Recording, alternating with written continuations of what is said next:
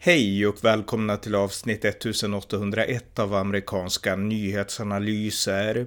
En konservativ podcast med mig, Ronny Berggren, som kan stödjas på swishnummer 070-30 28 95 0.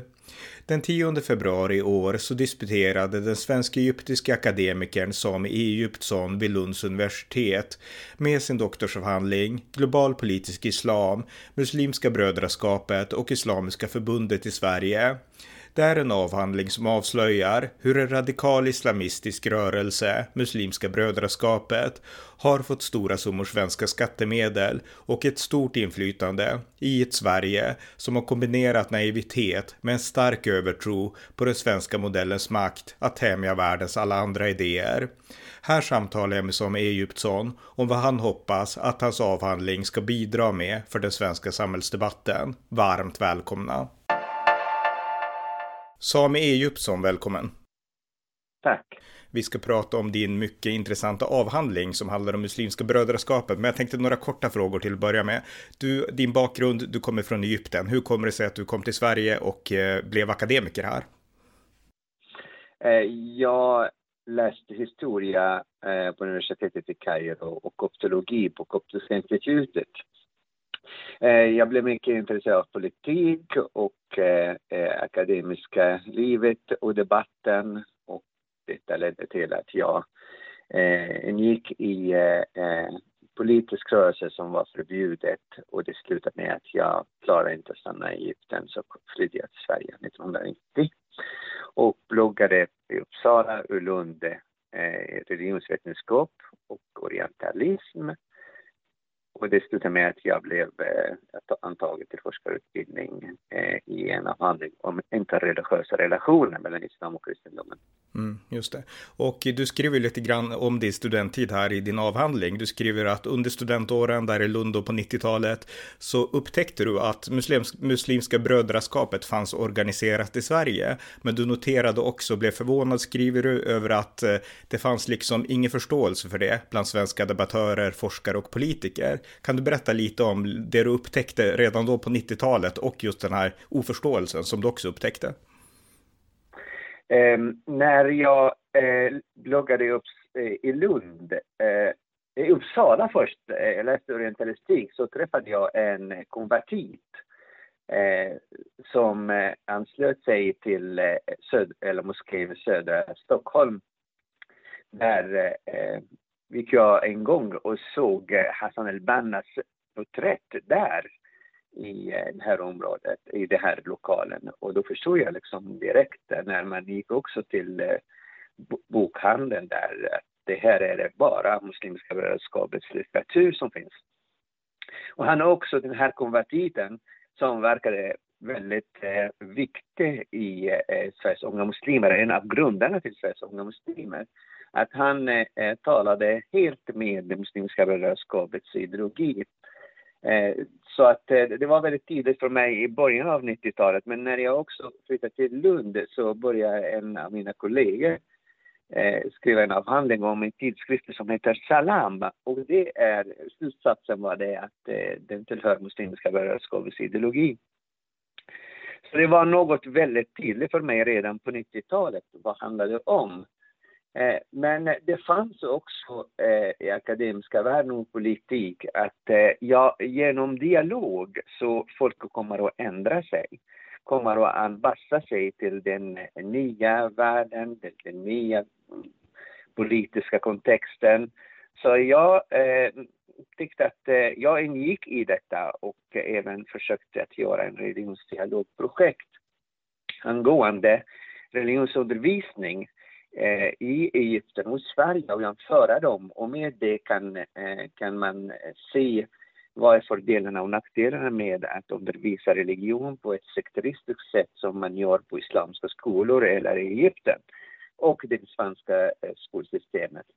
Eh, så det, här, det gällde två konferenser i Egypten, en i Svenska institutet i Alexandria och en i El-Azhar universitetet. Det var första gången man gör en konferens med Teologiska institut. Eh, så att det, det, det, var tidigt i det här sammanhanget att jag eh, ingick i den här processen, att man ville på ena sidan att hjälpa eh, muslimerna att ändra på sina uppfattningar, politiska uppfattningar. Men samtidigt jag förstod det här att, att det, det, funkar inte 2004 när en konferens ska hållas i Lund men det blev inte av på grund av att det fanns inget, upp, upp, ingen öppning i dialog. Hmm. Just det. Och eh, i, i liksom svenska akademiska kretsar så fanns det en blindhet inför att det här är kanske en mer radikal rörelse än vi vill tillstå och erkänna. Nej, det fanns, det är väldigt svårt att, att tala för andra. Men jag, jag anser att det här mångkulturalismen i kombination med relativismen gjorde att man kunde acceptera det rörelsen den här rörelsen som en del av det nya mångkulturella samhället. Men eh, med, med förhoppningar att det här eh, kommer att leda till en svensk islam. Just det. Mm. Ja, intressant. Men om vi återgår då till, eller går in på din avhandling. Du har ju en specifik frågeställning i den här väldigt intressanta avhandlingen. Och det är om eh, eh Sveriges, alltså Islamiska förbundet i Sverige kan anses vara en gren av Muslimska brödraskapet. Det är alltså inte en frågeställning som handlar om islam, det handlar inte om liksom teologi, utan det handlar specifikt om Muslimska brödraskapet och relationen till Islamiska förbundet i Sverige. Så lite kortfattat, vad blev svaret på den här frågan, på frågeställningen? Svaret är, är övertygande med hundratals olika pusselbitar, eh, ideologi, politik, eh, eh organisa organisatoriska band, stadgor, eh, skrifter, produktioner, hemsidor, relationerna med ledningen i Egypten, eh, ledningen i Europa, organisatoriska band med eh, um, europeiska organisationer, Muslimska brödraskapets organisationer. Ledningen som lämnar Sverige och startar eh, militär ledning, militär falang i eh, Syrien med inbördeskriget. Stöd från eh, förbundet här till egyptiska Muslimska brödraskapet. Många, många hundratals pusselbitar Eh, bara, framförallt på arabiska och från arkivmaterial som visar bilden väldigt tydligt att det är den svenska grenen i, eh, eh, för Muslimska brödraskapet internationella nätverk. Mm. Och eh, då, då, då, kan man fråga alltså två frågor i anslutning till det. Dels Muslimska brödraskapet, för du skriver ändå en del i uppsatsen om Muslimska brödraskapet, en organisation som inte har liksom en svensk syn på jämlikhet mellan män och kvinnor, inte en svensk syn på homosexualitet och inte en svensk syn på, alltså det här är en rörelse som går på tvärs med Sverige i mångt och mycket med grundläggande svenska demokratiska ideal. Det stämmer. Eh, brödraskapet är ultrakonservativ reaktionär organisation som ville eh, som har förebilden för samhällets ordning som det fanns på 600-talet när profeten levde. Och det här är tyvärr de skrifterna som eh, skrevs på 800-talet, 200 år efter profetens död, visar bara eh, antisemitism, Eh, begränsning av yttrandefrihet, eh, synen eh, på homosexuella är fruktansvärd, synen på kvinnor som är lägre värde. Som, när jag gick igenom de här åtta indikationerna och de ideologiska indikationerna för vilken typ av ideologi brödraskap står för så ser jag tydligt att det är totalitär, eh, ultrakonservativ eh, ideologi som eh, absolut strider mot eh, mänskliga rättigheters eh, värderingar. Och det intressanta då med den svenska förgreningen Islamiska förbundet i Sverige, det är att det här är ju inte, för att jag tror att det finns ju en allmänhet som inte kan så mycket om de islamiska miljöerna i Sverige, men det här är inte en liten miljö, alltså det är inte en, liksom, det är ju inte en liten nisch någonstans i något liten, någon studentkår du pratar om nu längre som det var på 90-talet, utan de här driver, eller förvaltar Stora moskén på Medborgarplatsen i Stockholm till exempel. Eh, det är eh, fantastiska duktiga entreprenörer. Mm. Jag har lyckats få de inre kärna som en eh, i europeiska forskning kallas det. Och det är exakt samma organisatoriska modell som man har eh, i hela Europa. Eh, små grupper som har stor inflytande på många olika organisationer som skapades under tiden, tiden i samarbete med politiska partier med en typ av interism och lobbyverksamhet. De lyckades skapa en fantastisk eh, eh verksamhet. Eh, jag gjorde en eh, liten snabb ehm, bild eller snabb forskning över eh, tre organisationer som de har skapat under tiden. 2016 lyckades tre organisationer av dem få över eh, 400 miljoner. Eh, tre år senare lyckades de få samma, eller året 2019, bara de här tre organisationerna fick det året eh, över 600 miljoner. Eh, de här tre organisationerna slutar, slutar med att eh, de har idag eh, i eh, eget kapital över 250 miljoner. Så det är stora summor. Sverige har till och med finansierat internationella organisationer genom 100 miljoner, över 100 miljoner kronor årligen till Islamic Relief som är internationell verksamhet för Muslimska brödraskapet. Där anställs deras egna och pengarna går även till eh, medlemmarna och till olika projekt som de själva styr. Så att eh, det är ett fantastiskt land, Sverige, som har bidragit med stora bidrag för den här verksamheten. Ja, ja men verkligen, för, för alltså, jag vill bara betona, alltså Sverige har gett hundratals miljoner kronor i skattefinansiering till Muslimska brödraskapets svenska förgrening, så att jag menar, bara det borde ju liksom ringa på en väckarklocka. Men det för mig över till, alltså det här med politisk naivitet i Sverige, alltså att man har varit blind för det här, du skriver lite i uppsatsen om det också, alltså, eh, hur, alltså det här kan ju bara kunna ske på grund av en politisk blindhet i Sverige. Nej, jag tror inte bara det. Jag tror att eh, politikerna visste vem de talade med. Utan att eh, de, eh, eh de hade en typ förhoppningar att eh, genom de här eh, få eh, en flytande eh, på något sätt i den muslimska världen och bland muslimerna i Sverige. Det här, det här med identitetspolitik har färgat tankarna hos många politiker att man måste ha representanter eh, för alla olika religiösa grupperingar och olika politiska grupperingar och, kulturella grupperingar och nationella grupperingar. Och där eh, muslim, de här eh, brödraskapet har varit en av de mm, viktigaste entreprenörer. Det är politisk, ekonomisk och ideologiska entreprenörskap som de har eh, som drivit dem. Och de lyckades att få den platsen som behövdes i Sverige, att vara representanter för muslimer. Och det var de skickliga med och utnyttjade maximalt och även till och med på så sätt kunde lova politikerna röster, en flytande i arabvärlden, i muslimska världen, bland islamisterna i andra länder och lösa politiska konflikter och så vidare. Så att det är inte bara naivitet tror jag. Det finns mycket annat. Det är makt som genomsyrar politik på det sättet. Men i så fall, alltså om det inte bara är naivitet utan det är liksom det du säger makt. Jag menar, de här radikala elementen, antisemitism och allt det här du nämnde tidigare förknippat till muslimska brödraskapet. Blundade man då inför det eller trodde man att liksom det svenska politiska systemet och bidragen skulle tämja den här liksom radikala rörelsen? Ja, jag tror både och. Tämja har äh, arabiska diktaturerna också trodde att de kunde göra. Eh, vi känner till vad Sadat gjorde och vad Saudiarabien gjorde och många andra länder i Pakistan har försökt äh, tämja den här islamistiska ideologin och för att få det för sin, sin del i att styra massorna analfabeter.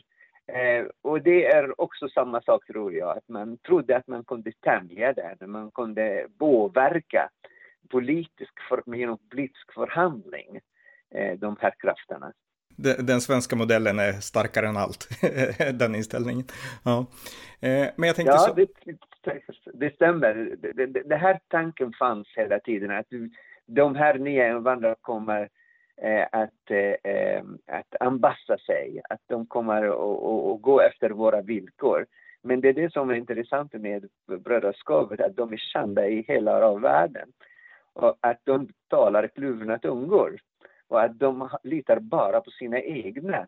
Och på så sätt lyckades de att eh, använda den här taktiken, den här strategin, eller att, eh, genom att eh, tala exakt vad politikerna ville höra och tala exakt vad de ville eh, och muslim, eh, islamisterna eller de som kommer till moskén vill höra. Eh, så att det var winner-winner på alla sätt och vis. Mm. Eh, nu är den här avhandlingen klar och eh, den är ute för offentligheten att ta del av. Vad är din främsta förhoppning att du ska kunna uppnå nu? För du har arbetat med den här avhandlingen i 20 års tid. Det här är liksom ditt stora projekt som du har investerat tid och energi i. Eh, vad är liksom din önskan nu ska uppnås med den här avhandlingen i, i den svenska debatten? Att debatten ska inte handla om eh, några intellektuella eh, forskare här och där. Eh, och det är därför eh, jag försöker på alla sätt och vis att flera ska läsa. Det är en ideologi lika eh, stort eller ännu större än kristdemokrati, en ny vänster, än socialismen. Politisk islam är eh, väldigt stor eh, ideologisk eh, grund för många eh, människor som ingår i det striden om mänsklighetsframtiden. Och genom den här avhandlingen vill jag att flera svenskar ska läsa den. Vi har redan nu 20 000 nedladdningar, unika nedladdningar för avhandlingar som finns på, min, på Lunds universitet. Sök bara Samia Eriksson, Lunds universitet och du kommer att få en avhandling som kommer att ge dig information om islam i allmänhet, om olika tolkningar av islam och vad är politisk islams olika förgreningar. Vi har också Sveriges historiska delen och det den organisatoriska arbetet som har gått på tre decennier och i samarbete med olika partier partierna i Sverige måste lära sig vad har hänt och hur ska man gå vidare för att stärka demokratin i Sverige. Mm, en mycket viktig avhandling till demokratins försvar. Men som sista fråga så tänkte jag, alltså det, när man gör sådana här liksom banbrytande ändå avhandlingar, det var någon som jämförde dig med reformationen och Martin Luther också, jag minns inte vem, jag läste det någonstans. Men, men när man gör sådana här viktiga avhandlingar, då får man ju alltid kritik och eh, kritiken har, alltså man har inte kunnat missa den om man har följt medier och liksom i, på TV4 så beskrevs avhandlingen som en kontroversiell avhandling och debattörer har kritiserat och eh, min fråga är, tror du att de här som nu är kritiska, eh, att de på något sätt kommer att kunna delegitimisera din avhandling och göra att den blir liksom intryckt i garderoben och, och så? Eller tror du att du kommer liksom att kunna liksom ta igenom stormarna som alltid följer vid sådana här avhandlingar? Jag är en vis och jag kommer gå igenom stormarna. och jag är säker att många, många nu börjar läsa och skaffa kunskap om ämnet. De här debattörerna som eh, som försöker att sätta avhandlingen i garderoben. De har alltid försökt med tidigare. De gjorde det med Hanna Gadban, de gjorde det med Nalen Bickel. De gjorde det med alla eh, reformatistiska försök. Eh, men de faktiskt ingår i en eh, politisk karta som, eh, som står emot yttrandefriheten och reformism, reformism för olika tänkande. Eh, jag tror att eh, det har, eh, det har gått för långt eh, med att eh, och, eh, faktiskt, jag kan känna det som att ytliga politiker, ytliga debattörer, ytliga akademiker som har inte fördjupat sig i islamismen, som försöker att normalisera förtryck med eh, begreppet mångkulturalismen och jag tror att det här är inte accepterat nu längre av de flesta i Sverige. Nej, just det. Ja, så avhandlingen kommer att stå sig. Men med det sagt så vill jag säga stort tack till dig Samuel Djupsson för att du tog dig tid. Jag vet att du har fullt upp med så mycket annat så att eh, tack så mycket. Tack så mycket själv. Ha det bra. Ni har lyssnat på amerikanska nyhetsanalyser, en konservativ podcast med mig, Ronny Berggren, som kan stödjas på swishnummer 070-30 28 95 0 eller via hemsidan usapool.blogspot.com på Paypal, Patreon eller bankkonto. Skänk också gärna en gåva till valfri Ukraina-hjälp. Tack för att ni har lyssnat.